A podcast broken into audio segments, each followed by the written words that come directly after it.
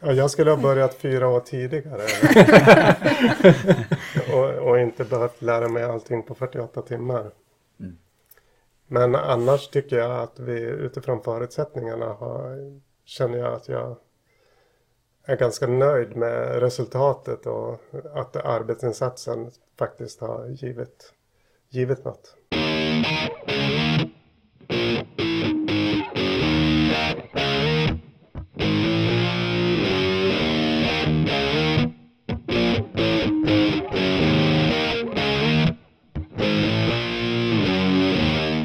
Hej och mycket välkomna till ett nytt avsnitt av Gränslöst lärande.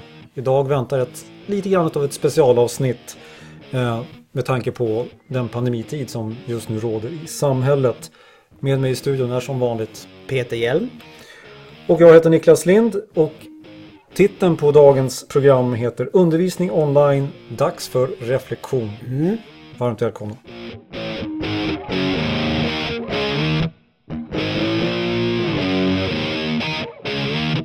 Mm, Peter, vad eh, tänka sig att vi, eh, vi var ute i god tid och bokade in en gäst för programmet som vi skulle spela in i mars. Ja, precis. Eh, under sportlovsveckan bokade vi in den ja. gästen. Det var lite, lite missflyt måste vi ändå säga där. Ja, verkligen. En spännande gäst med ett spännande ämne. Ja. Men det hade ju drunknat eller försvunnit i, i det här konstiga läget som Skolsverige befinner sig i just nu. Vi kände så i alla fall och ja. Eh, därför valde vi att uh, blåsa av den uh, intervjun och det, det programmet. Men vi kommer, vi kommer bjuda in den gästen till hösten. Mm, så är det. Men det gjorde också att vi, vi det var en av anledningarna till att vi inte släppte ett marsavsnitt. För vi brukar ju komma ut en gång i månaden. Eh, den andra anledningen var väl egentligen också att du och jag hamnade i ett ganska hektiskt eh, arbetsläge. Ja, för jag tror om vi ska sammanfatta våra arbetsveckor, om vi backar nu två, tre, fyra veckor bakåt så har det varit fullt fokus på att stötta lärare, eh, hur man kan jobba med distans och fjärrundervisning. Jag i min roll som IT-pedagog på Mediacenter Region Västerbotten har ju jobbat ut mot alla kommuner i Västerbotten och du Niklas? Ja precis, och jag, jag i min roll som IT-pedagog på Dragonskolan eh, gymnasium här i Umeå eh, har ju jobbat med eh, personalen här på skolan. Eh, det är ju en stor gymnasieskola, Dragonskolan, eh, och väldigt många som jobbar här. Så det har ju varit, eh, har varit fullt sjå. Mm. Jourhavande kan man väl säga. Både haft lite workshops men annars jourhavande och ja, det har varit fullt upp helt enkelt. Ja. Men eh, trots det så har det inte, vi har inte varit helt tysta i, i vad ska vi kalla det för, i podd, poddetern. Nej, Nej vi, vi, är faktiskt inbjudna till eh, podden Pedagogisk psykologi. Mm. Eh, och för att just prata om det här med fjärr och distansundervisning. Eh, så, och det var ju väldigt trevligt av dem att bjuda in oss. Ja, det tackar vi för. Det tackar vi för och ett lyssna, annat lyssnartips eh, eh, om ni vill höra lite mer vad vi har att säga om om fjärrdistans. Precis. Plus att just den podden är väldigt intressant för alla som jobbar i Skolsverige skulle mm. jag vilja säga. Definitivt. De har också många intressanta gäster. Mm, eh, verkligen. Eh, men eh, ja, sen, sen har det kommit ett påsklov och man fick ladda batterierna lite grann. Precis, och det tror jag också har varit nödvändigt för eh, pedagoger som, på gymnasieskolan och ja, alla stadier som jobbar med skola över det så att säga. Mm vuxenutbildning och gymnasie, eh, högskola. Mm. Men, men grejen är att eh, dagens gäster eh, råkar ju vara två av mina kollegor. Eh, men vi känner att det, det känns nu efter ett antal veckor som man har fått prova på att jobba på det här sättet. Precis, att ta in två stycken verksamma lärare, kanske med lite olika bakgrund eh, eller erfarenhet av att jobba med digitala verktyg och lyssna av hur, hur de upplever att den här starten har varit. Precis, och eh, jag kan också tänka mig att det kan komma lite reflektioner också kring tips och annat. Eh, snedsteg som man kanske har tagit som man kan undvika eller bra saker för den delen ja, eh, som, som har dykt upp. Precis. Mm. Men du, är det inte dags att vi eh, kallar in dem till studion? Mm, det är det, men först det här.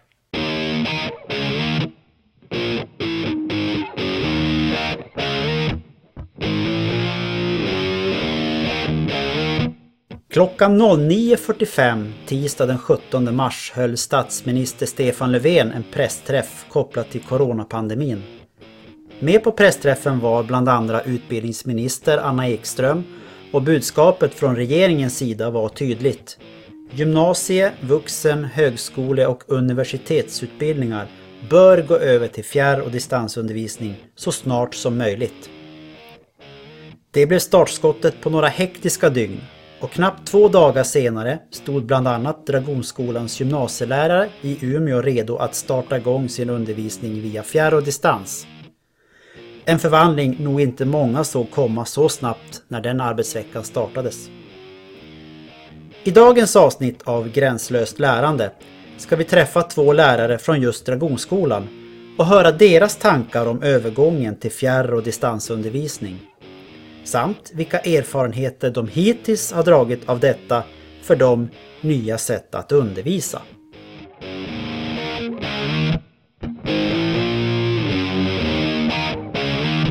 Mm. Med oss i studion nu har vi fått in Pernilla Nordlund och Erik Jönsson. Eh, varmt välkomna hit.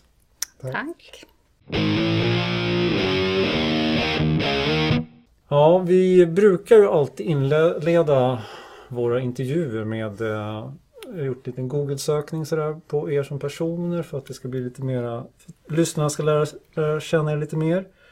Uh, och vi har ju i alla fall en i gänget här som inte har varit i mediaskugga. Peter, ska du börja där? Ja men precis, jag tänkte få börja med dig Pernilla. Ja. uh, det visar sig att du är våran första gäst med landslagsmeriter. Ja. Det har vi inte haft tidigare. Kul. Uh, ursprungligen från Vasa i Finland. Och kärlek till träning och fysisk aktivitet går som en röd tråd genom hela ditt liv. Mm, kan man säga. Eh, framgångsrik fotbollsspelare. Hunnit med 22 landskamper för finska landslaget i fotboll.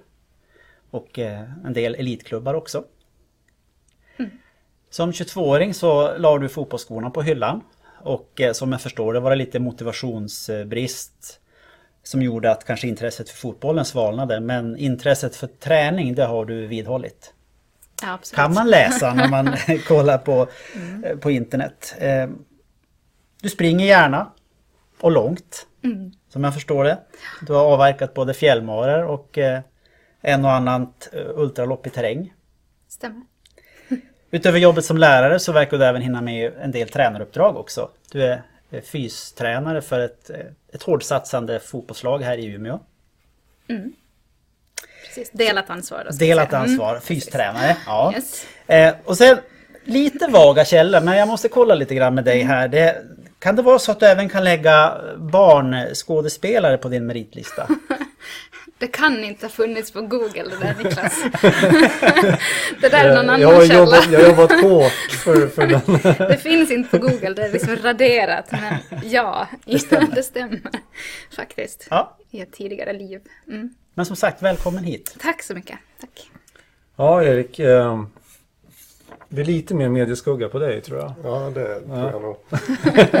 Men du är från Sandviken i alla fall? Ja, det, ja. det stämmer. Och då får man ju direkt eh, bandykoppling till Sandviken. Ja, jo, jag är och har kanske mer varit väldigt bandyintresserad. Vad har, men har, vad har banden betytt för dig genom åren? Eh, ja, vad har den betytt? Den har... Eh, när jag flyttade till Uppsala så blev jag först då riktig Sandvikenbo. Så det var i diasporan så att säga som jag blev mer intresserad av bandy. Det var väl nästan lite sådär identitetsskapande att vara från Sandviken och gilla bandy i Uppsala. Så. Patriotiskt. Lite patriotiskt mm. sådär. Ja. Jag kan flika in där, där har vi ett gemensamt intresse. Jag kommer från en annan bandymetropol också. Nämligen Kalix. Ja men just det. Ja. Så de, de två lagen har mötts. Det är några år sedan nu men... Ja, och Sandviken vann kan jag tänka. det var viktigt att lägga in den grejen. Ja. ja.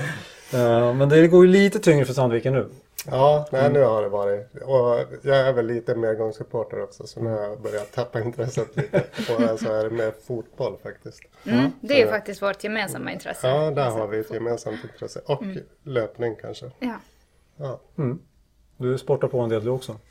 Ja, lite lagom sådär. Ja. Men du, du har ju du har slängt med några begrepp också sådär eh, som eh, man blir lite nyfiken på. Dryg vegetarian. Kan du utveckla det? Uh, no, ja, det...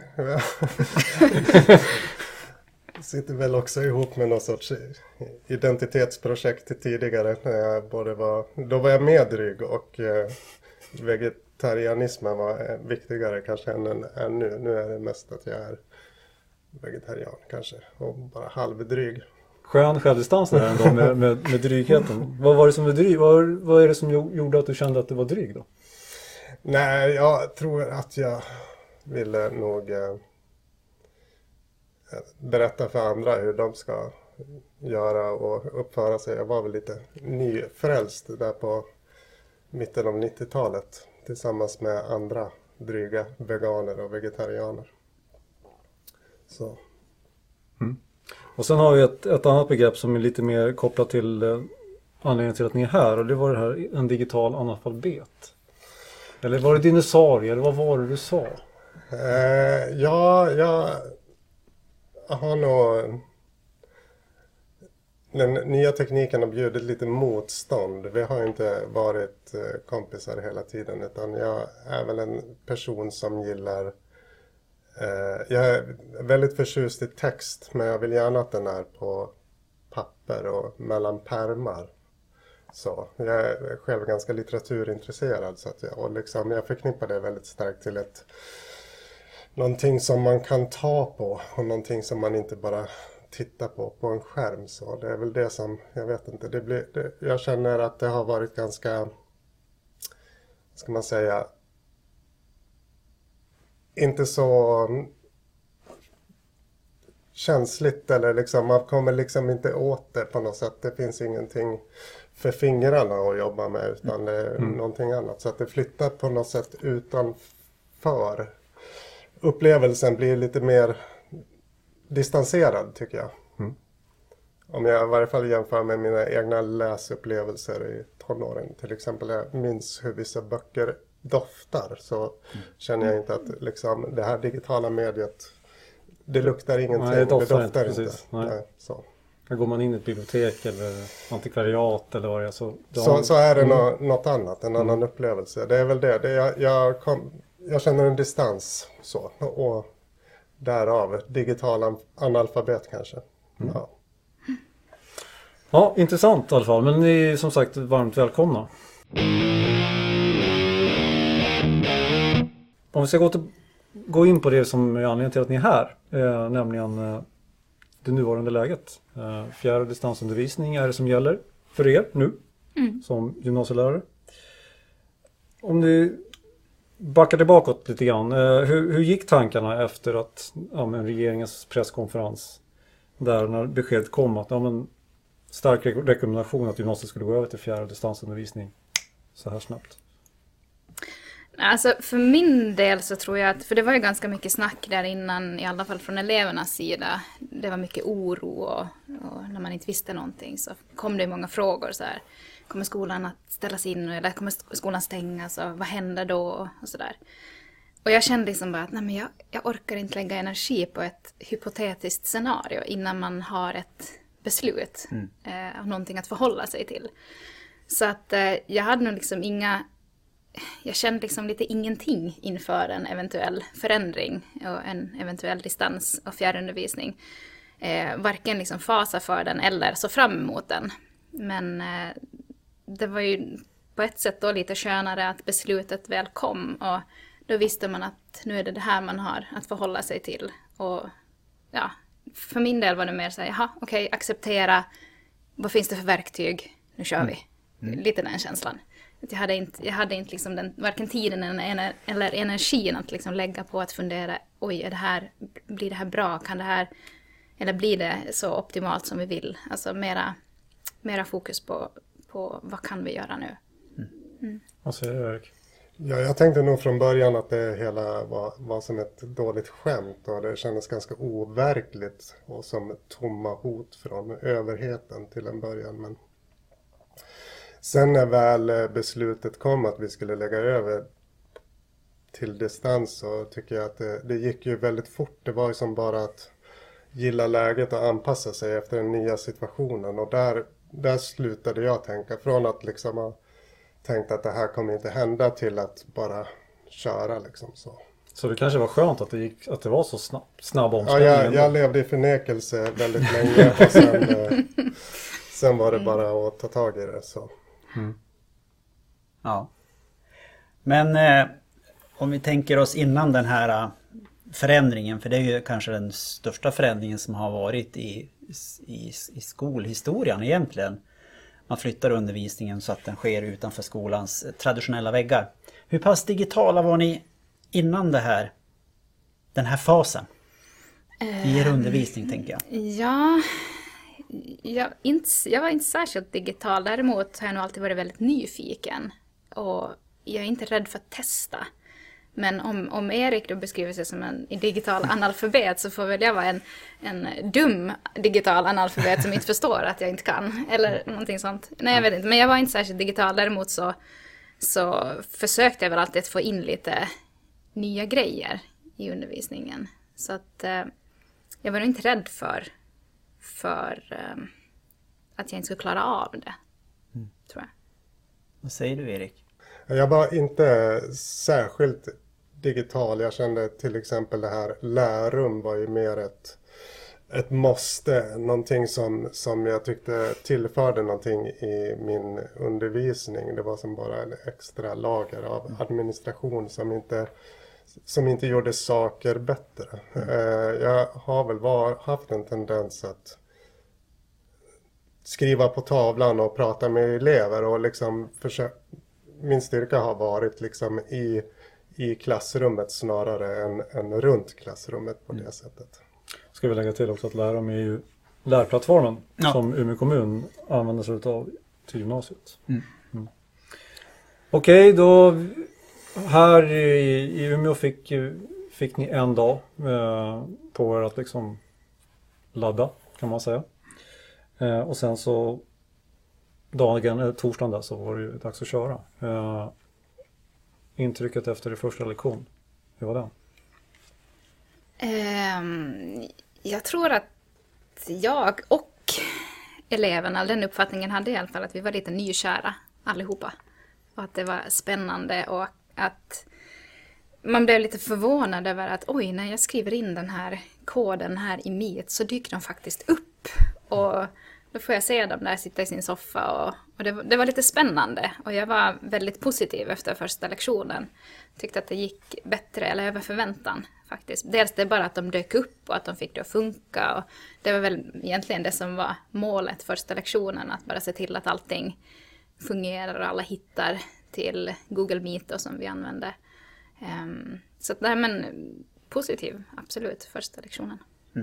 Ja, det är samma för mig att eh, chocken var egentligen att det faktiskt fungerade så pass, pass, så pass bra som det gjorde. Och så tyckte jag det var ganska spännande att eh, en av de första lektionerna var religionslektion med industri två år och man fick kika in i deras pojkrum lite grann innan, det var tiden innan de har börjat stänga av sina webbkameror och allting var som Eh, det var en stor entusiasm där första dagarna som kanske lite grann har svalnat nu. Men, ja. Så. Men det, på er låter det ut som att eh, även eleverna var positiva om vi nu tänker oss första lektionen. Det var ett positivt gensvar. Jo, men det tycker jag. Jag tror att de också var förvånade över att det funkar så bra. Och, och sen tycker jag att, att, eller många har ändå sagt att det är inte så mycket störningsmoment heller hemma. Så att jag tror att en del, framförallt de elever som har lite uppmärksamhetsproblematik eller som gärna liksom reagerar på alla stimuli överallt. Jag tror att de, de mår nog ganska bra av det här. Eh, I alla fall, om inte nu liksom håller på allt för länge, så tror jag de i alla fall mår bra. Så den uppfattningen tyckte jag att de, fick jag i alla fall från eleverna. Eh, Du var inne lite grann på det Erik, men eh, hur ser ni på förändring, eller på, nu har du hållit på ett tag, Eh, hur har ni sett någon förändring kring eh, bemötandet för, med elever och sådär, hur det funkar? Ja, jag tycker den här första perioden då allting kändes nästan lite pepp. Den har som lite grann gått över. Nu upplever jag att eleverna börjar bli ganska less på att sitta ensamma i sina rum och sitta i sina sängar och inte ha rutiner och träffa sina kamrater. Så ja, det, det är väl det. Det är som luften lite grann har börjat gå ur och man bör, vill, vill nog väldigt gärna tillbaka till skolan igen. Mm. Ja, men jag upplever också att det framförallt, jag, ty jag tycker inte att det på själva skolarbetet har känts som att det har gått ner någonting. Utan jag tycker ändå att vi kan hålla ganska bra kvalitet på, på undervisningen utifrån förutsättningarna och eleverna gör som de ska. Däremot just det här, den sociala biten, jag tror att de tycker att det är ganska tråkigt. Och inklusive jag själv tycker att det är tråkigt att sitta och prata med, två, eller med 25 stycken färgade pluppar liksom, när de har stängt av sina sina webbkameror. Det, det, är lite, man får inte liksom det här sociala eh, samspel eller dialogen med dem på samma sätt. Så det tycker jag har svalnat faktiskt. Mm. Men just att ja, men de gör ju sina grejer och de, de allra flesta följer ju rutinerna. Så att... Och när det gäller skolarbetet så är det ju flera elever som jag har som gynnas av att det inte är så många trevliga kamrater runt omkring dem just nu. Så att de har större möjligheter att fokusera på det som är skoldelen av skolan istället för att annars kanske mer fokusera på den sociala delen av skolan. Så, så att det är många som får mer gjort i den här situationen. Mm. Men det där med nedstängda kameror, det är lite intressant. Vad, tror ni, vad, vad beror det på då, tror ni? ja, jag vet inte, jag ska ha ett muntligt prov med en elev så säger jag, ja, nu måste jag faktiskt be dig att slå på kameran. Och nej, jag ser för hemsk ut, så. så, så säger jag, men jag kommer inte att bedöma ditt utseende. Så, nej, jag vet inte, kanske är bara att man, liksom, man eh, sitter i sin pyjamas hemma. Ja. Men sen det man får tänka också det är ju att det egentligen så blir det ingen särskilt naturlig situation därför att du sitter och ser precis alla rakt in i ansiktet. Mm. Det gör du inte i en undervisningssituation. Och vi vet att vi har elever som tycker det är jobbigt med ögonkontakt. Och, mm. så man får, alltså, ur ett elevperspektiv så kan det vara skönt. Eh, och det är kanske inte att alla gånger kameran fyller den där funktionen. Utan man, upptäcker man att de jobbar ju på och det går bra, då finns det kanske ingen anledning att pusha dem heller. Nej, precis. Mm. Men jag tänker, alltså som lärare så har man ju sina rutiner, man lägger upp planeringar och man, man, man startar upp arbetsområden och man har en, en pedagogisk tanke. Förändras era rutiner? Ja, Både det... när det gäller förarbete, under själva lektionen och efterarbetet.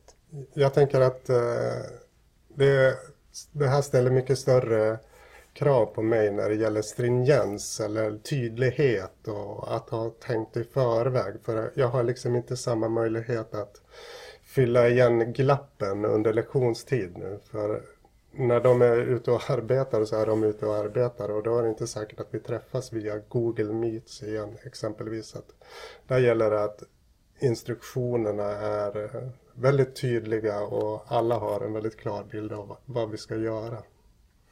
Så, så att det, det ställer krav på tydlighet. Mm. mm. Nej, men det, jag håller helt med.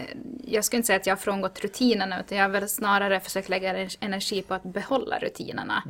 Mm. Eh, så när jag startar upp en, en lektion att jag fortfarande har, eh, visar dem ja, men, hur länge ska lektionen hålla på, vad ska vi prata om, eh, vad är målet med lektionen, när är det återsamling. Så att de har lite ramar och jag håller med, det behöver vara ännu tydligare ramar. Så att allt det pedagogiska som man gör i klassrummet, det ska göras digitalt också, men kanske bara lite mer. Är det någon, Finns det någon konkret detalj som ni har skruvat som ni känner att den här har jag skruvat extra på mot om det hade varit en vanlig undervisning?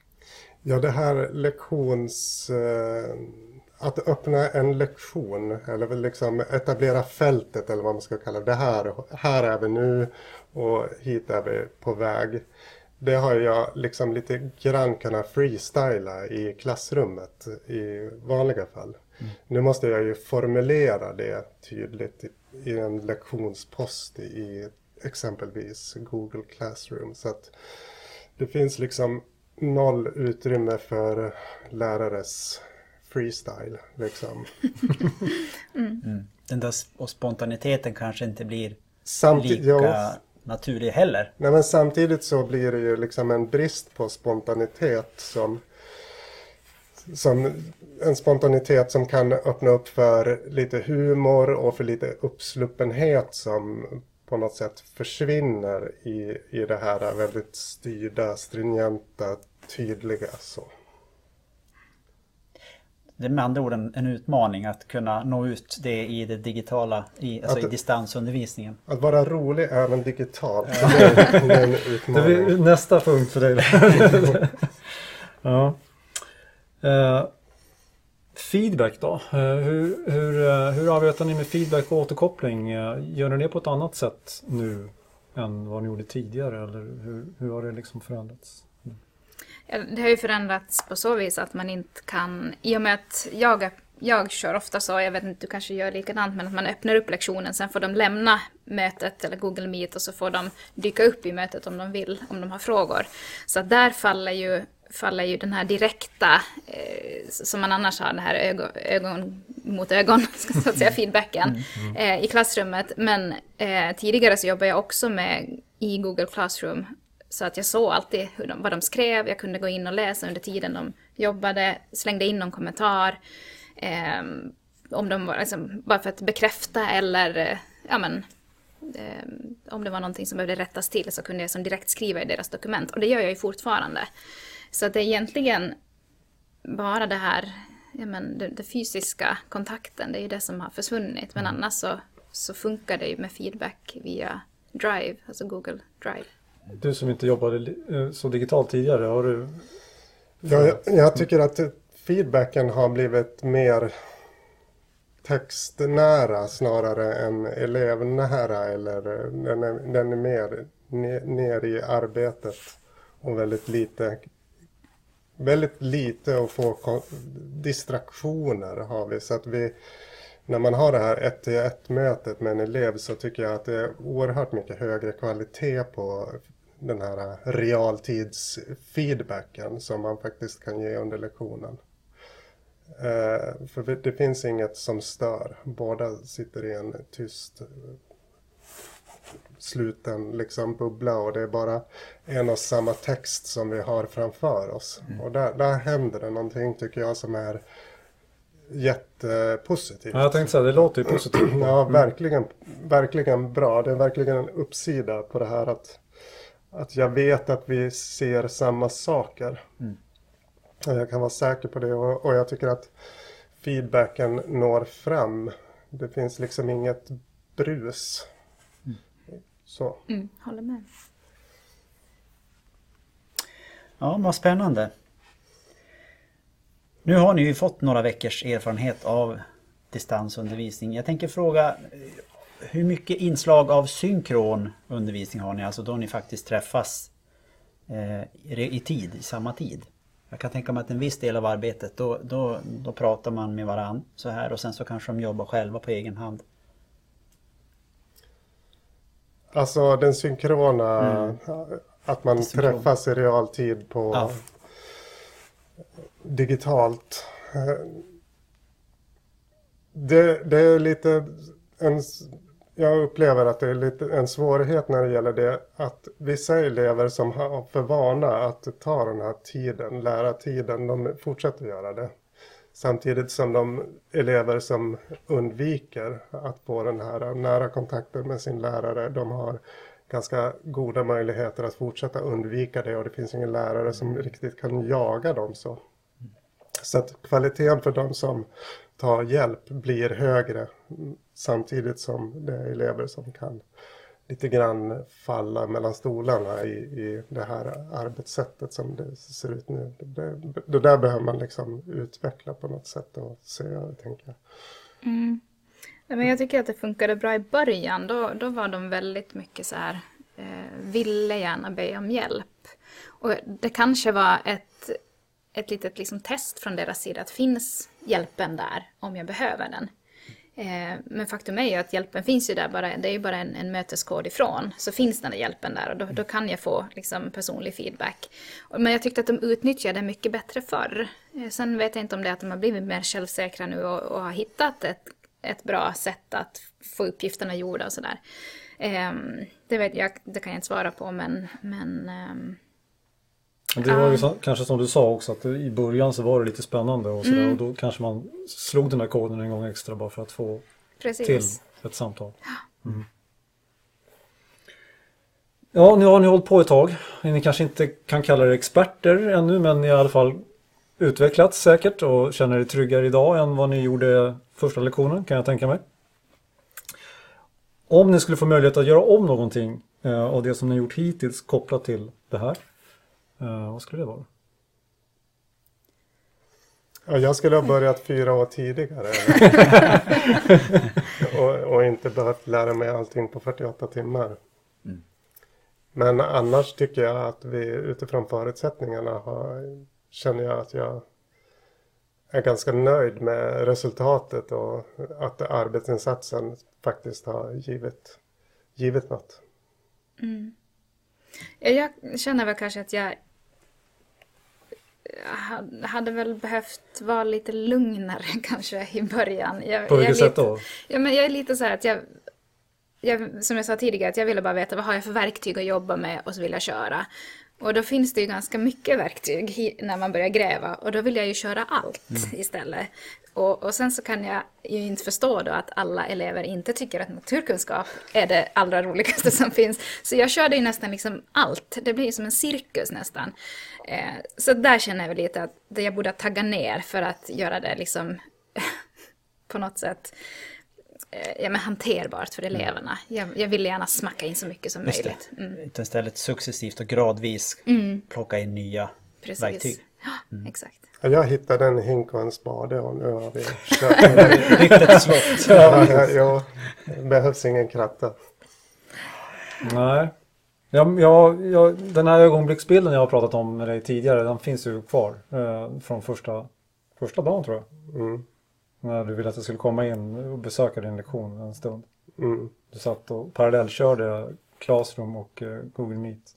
Ja, jo, precis. Och då hade, det var ett tillfälle när vi hade väldigt bra realtidsfeedback och jag kunde faktiskt vi kunde vara väldigt textnära och, och se samma saker och, och prata om problem.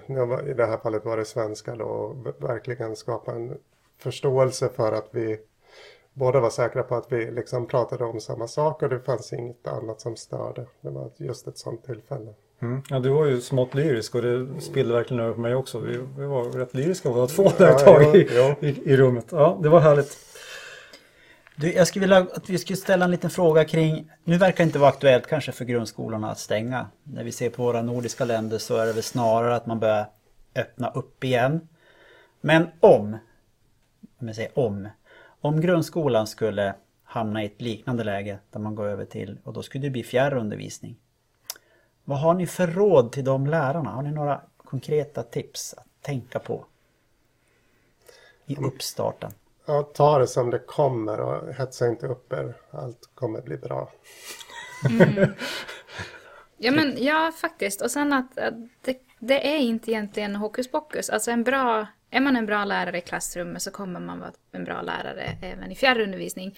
Och det ha, har ju att göra med, vet man, kan man sin kurs? Alltså vet man vart man vill ta eleverna? Har man tydliga mål och, och ramar, då kommer det att funka. Struktur, Så man- struktur ja. Sen, sen det är klart, Peter du som är fjärr, fjärrexpert, du, du har ju pratat om hur långt ner man kan gå som du tror att man, som det kan funka att jobba med fjärrundervisning med elever. Ja, men, och framförallt precis som du säger, som du är inne på, att alltså en duktig pedagog kan bli en duktig pedagog även i att använda fjärr och distansteknik. Det handlar ju om den här läraren som vet vad de ska göra och har strukturen och lyckas få den här gruppkänslan och eleverna vet vad de ska jobba med. Eh, och jag, det finns ju som ingen så här generell gräns att ja men i den här åldern då kan man börja jobba med fjärrundervisning. Men vi har erfarenheter i alla fall av att elever i årskurs två eh, bör vara många som är mogna för att kunna ta till sig den här undervisningen med kvalitet. Inte alla men det, man, man, man har sett, vi har i alla fall sett resultat av att man kan få en, en undervisning med kvalitet med yngre elever. Ja. Spännande. Och jag måste bara tillägga för att jag hade en, en lärare i som det då hette, eftersom jag gått finns, eller gymnasiet i Finland, modersmål. Vi, en del hade ju finska, en del hade svenska som modersmål. Så att modersmål hette det, motsvarande svenska då. Hon, eh, när jag började i gymnasiet så öppnade hon första lektionen med att säga, jag kommer inte att lära er någonting. Jag kan inte lära er någonting överhuvudtaget. Och vi satt ju så här, fattade ingenting. Vad menar hon? Hon är ju lärare, det är klart hon ska lära oss saker. Så sa hon, nej, jag kan bara skapa en miljö där ni lär er själva. Och det på något sätt låter lite högfärdigt nu, men alltså det är väl det som är grejen. De, behöver, de är inte kanske beroende av oss fysiskt i klassrummet, men vi kan ju skapa en bra digital lärmiljö för mm. dem också. Så det är väl lite det man får utgå ifrån. Mm. Kloka ord faktiskt. Ja, det kommer ju komma ett efter, eller vi tror i alla fall och hoppas att det kommer komma ett efter eh, covid-19. Eh, och eh, skolan känns ändå som en verksamhet som kanske kan ta med sig en, en, del, en del positiva bitar ifrån, ifrån det här, trots allt. Eh, hur tror ni att det kommer, kommer, kommer vi göra? Kommer vi gå tillbaka till som det var exakt likadant tidigare? Eller kommer vi använda, använda oss av olika saker kring det här för att krydda? om jag ser på mig själv så kommer jag nog absolut använda det som jag upplever som uppsidan av det här digitala arbetssätten och är faktiskt sugen på att liksom gå vidare och skaffa mig fler verktyg längre fram. Istället för de två som jag använder nu. Hinken och spaden. Hinken och spaden. Jo, det, det skulle vara intressant med andra också. Mm. Men jag tänker att man behöver inte heller forcera det så att man bara fladdrar runt utan fortsätta ha fokus på vad, vad det är som gör en lektion till en bra lektion eller en, som du är inne på, eh, en eh, lär, god lärmiljö till en god lärmiljö. Och det, det är liksom kanske lätt hänt att man börjar fokusera mer på på verktyg än på själva kärnverksamheten. Så att man får nog se till att inte bli distraherad av, av det där också. Så att det inte blir en fråga om vi ska använda Google Meets eller Zoom. Liksom. För den, den frågan intresserar inte mig utan det är ju det som vi är här för att liksom göra, alltså bedriva undervisning. Mm. Så, och det andra är bara verktyg för det och ingenting annat. Mm. Mm. Nej, jag håller med. Jag tänker att här, den här tiden är ju en, en fantastisk liksom, kompetensutveckling eh, som har gått på speed egentligen. Men, men som du säger, att, att, det finns många verktyg att ta med sig, men det ska då användas i rätt syfte. Mm.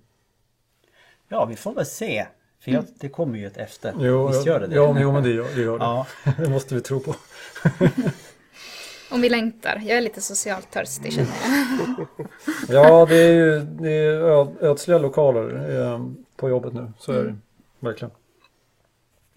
Ja, vad säger du Peter? Eh, ska vi ta en ny programpunkt? Jag tycker det. Mm. Och då har vi kommit till gästlistan. Som vi eh, tänker oss lite annorlunda i den här gången. Ja, precis. Därför att vi är, vi är lite nyfikna. Nu ska ni få tänka tillbaks. Plocka fram ett guldkorn ifrån de här veckorna som ni har bedrivit eh, distansundervisning. En lektion som ni har känt er extra nöjd med. Och fundera vilka faktorer det var som låg bakom att det blev så bra som det blev. Vem vill börja?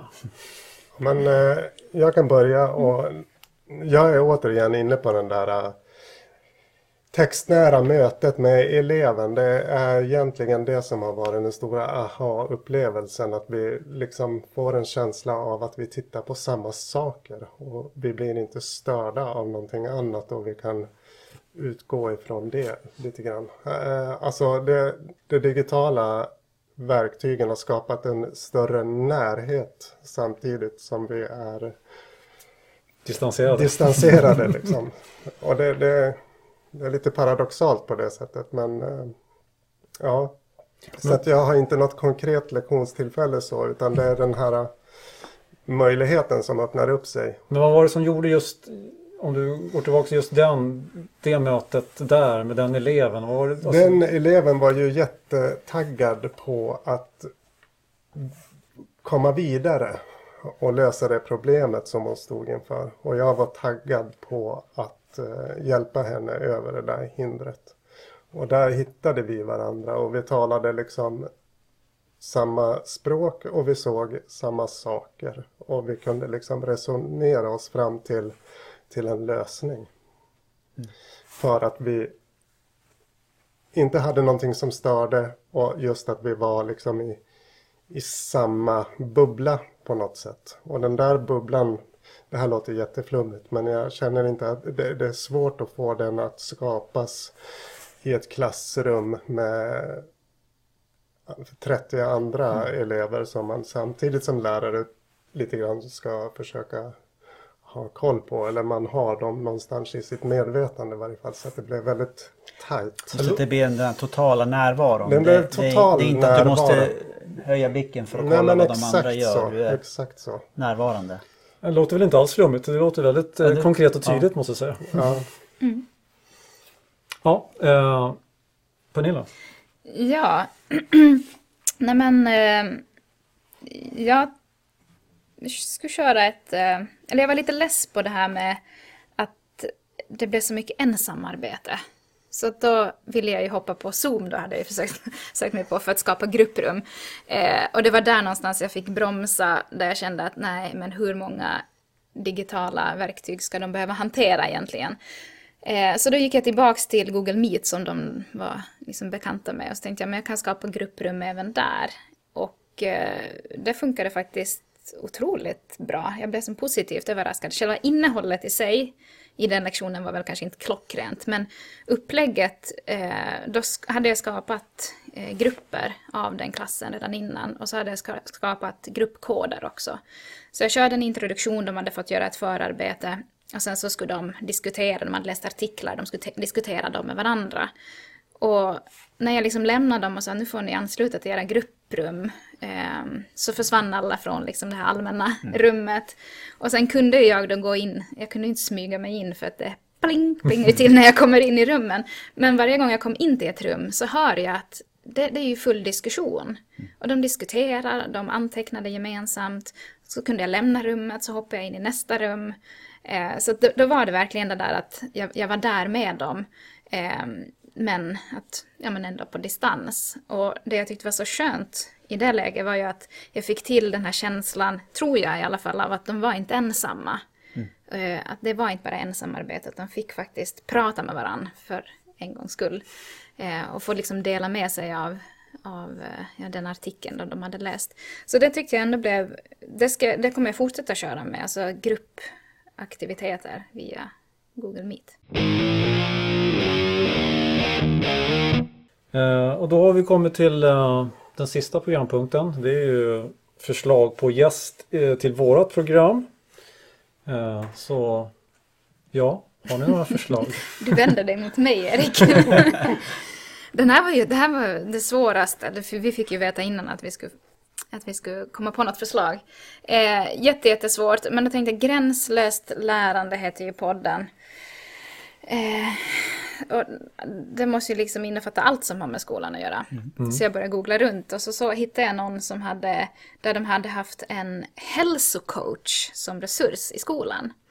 Ehm, Eftersom man ser att jag är ju lite hälsonörd och eh, när det kommer till fysisk aktivitet speciellt, eh, det borde ju in mer i skolans vardag också.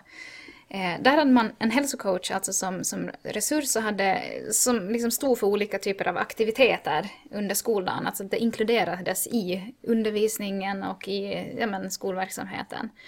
Ehm, och jag tror inte att det har gjorts så jättemånga försök eh, på så många olika skolor. Men jag tänker det vore intressant att få höra, höra någon hälsocoach som har jobbat liksom med mot skolan, att har man fått in det här med fysisk aktivitet som en del i att eleverna faktiskt ska lära sig mer. Det är det som är målet är, att man har sett att ju mer man rör på sig desto mer lär man sig också. Eller? Ja.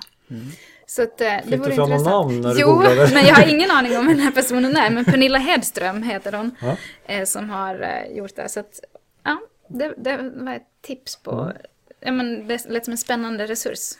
Det tackar Det vi för. tackar vi för, absolut. Ja, men jag skulle i så fall vilja bjuda in, jag har inget namn på någon, men en person som är duktig på att trigga människors belöningssystem via digitala medier. Gärna någon eh, spelskapare eller, eller så som så att man skulle kunna få in liksom samma mekanismer i, i undervisningen. Att, eh, inte vet jag, man får öppna lootboxes eller får olika priser för att man har lyckats göra uppgifter eller någonting. Så att det blir någon sorts gamification av eh, undervisningssituationen. Det tycker jag skulle vara intressant. Och det skulle gärna kunna vara någon som, som kommer från ett annat håll än, än från skolan. Alltså hur, hur jobbar de som har skapat GTA eller Pokémon Go eller vad det nu kan vara. Vi har ju varit inne och snuddat på gamification tidigare men det, det är också något som har sagt att vi ska återkomma till. Precis. Ja, så det Tack för det tipset tackar också. vi för. Eh, Ja, börjar närma oss eh, vårt slut här eh, med er. Men är det något mer som ni skulle vilja lägga till som ni känner att ja, men det här har inte fått säga som, som jag gärna skulle vilja säga? Nej, men jag, jag vill säga att det känns positivt. Det är kul med digitala medier i undervisningen. Ja men det måste jag också säga, nu har vi pratat lite grann om vad utmaningarna är men, men faktiskt så, så har det här gått över förväntan och jag är också positiv till, till det här. Så att, eh, ja. Men handen på hjärtat, det är inget som ni skulle vilja bedriva jämt? På exakt det här sättet? Det är kul att träffa elever ibland faktiskt. så, men eh, om man kunde förena två, de två världarna på ett bra sätt så skulle ju det vara det ideala. Att ibland kanske ha en fjärde, fjärde lektion för att det passar bäst för skolan. De, de, de möjligheterna finns ju kanske lite lättare nu än tidigare. Precis. Ja, Peter, har du något mer? Nej, jag tycker vi har haft två spännande gäster här. Mm. Får tacka så mycket för att ni tog er tid och för era kloka svar. Tack. Tack.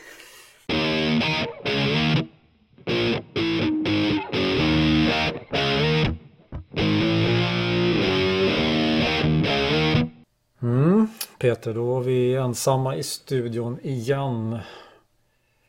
Och Pernilla och Erik lämnat oss. Mm. Vad har du för tankar och reflektioner efter intervjun? Tyckte det var en... Positivt var ju att båda två hade samma känsla eh, när de startade upp det här för dem ändå o, så- nya sättet att undervisa. Att det hade fungerat över förväntan. Mm, det, jag håller med och också med tanke på att de kanske kom från lite olika bakgrunder också kring det digitala. Men båda var väldigt positiva. Precis. Så det, var, det var ju det var kul att höra. Mm. Eh, och sen eh, det som jag själv har känt, den här dubbla känslan som har funnits inom mig egentligen sen, sen det här började.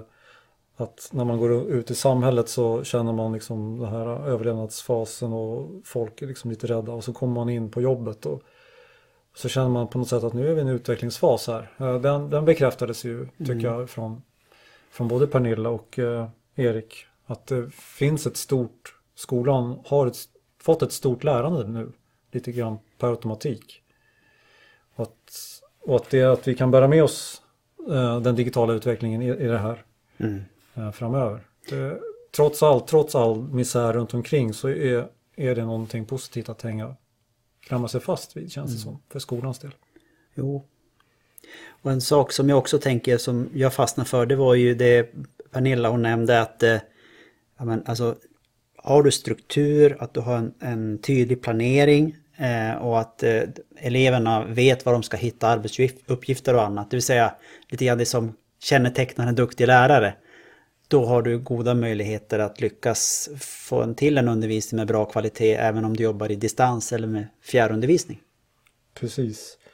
Och jag tänkte också på, båda var inne på det också, men, men framförallt Erik när han försökte sätta ord på den här bubblan som han kunde känna att han var inne med, med enskilda elever i samtal, konstruktiva samtal, feedbacksamtal.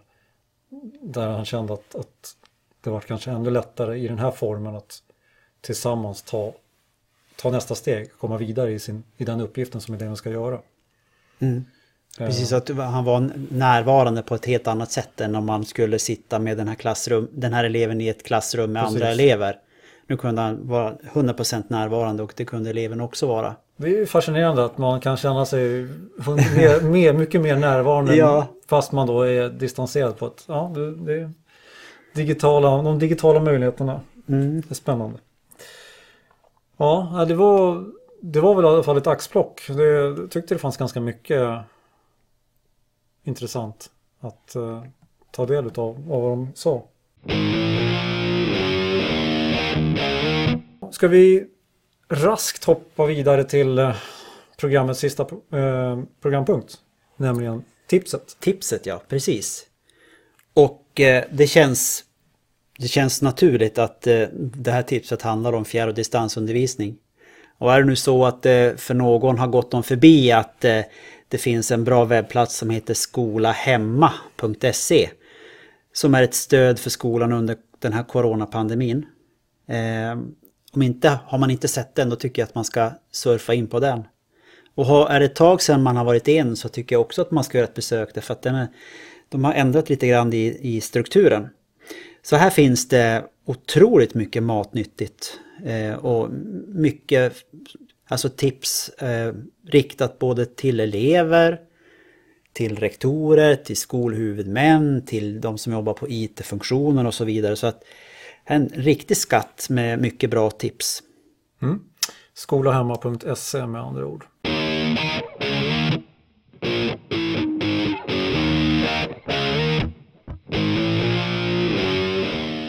Ja, Peter, eh, känner du att, uh, har du något mer du vill dela med dig av så här? Nej, jag tycker att det här blir ett, det blir ett, ett, bra, ett bra innehåll av två kloka och erfarna pedagoger. Delade med sig av sina tips och sina upplevelser av den här uppstarten av fjärr och distansundervisning. Ja, den här uppstarten säger du. Ja, precis. Vi, eh, någon gång ska den väl ändå ta slut, får vi hoppas. Mm. Men vi tackar för oss då Peter. Japp. Yep. Mm. Eh, och eh, glöm inte att följa oss på Instagram. Ett eh, granslostlarande. Och ja, ha det så bra tills vi hörs igen. Hej då! Hej då!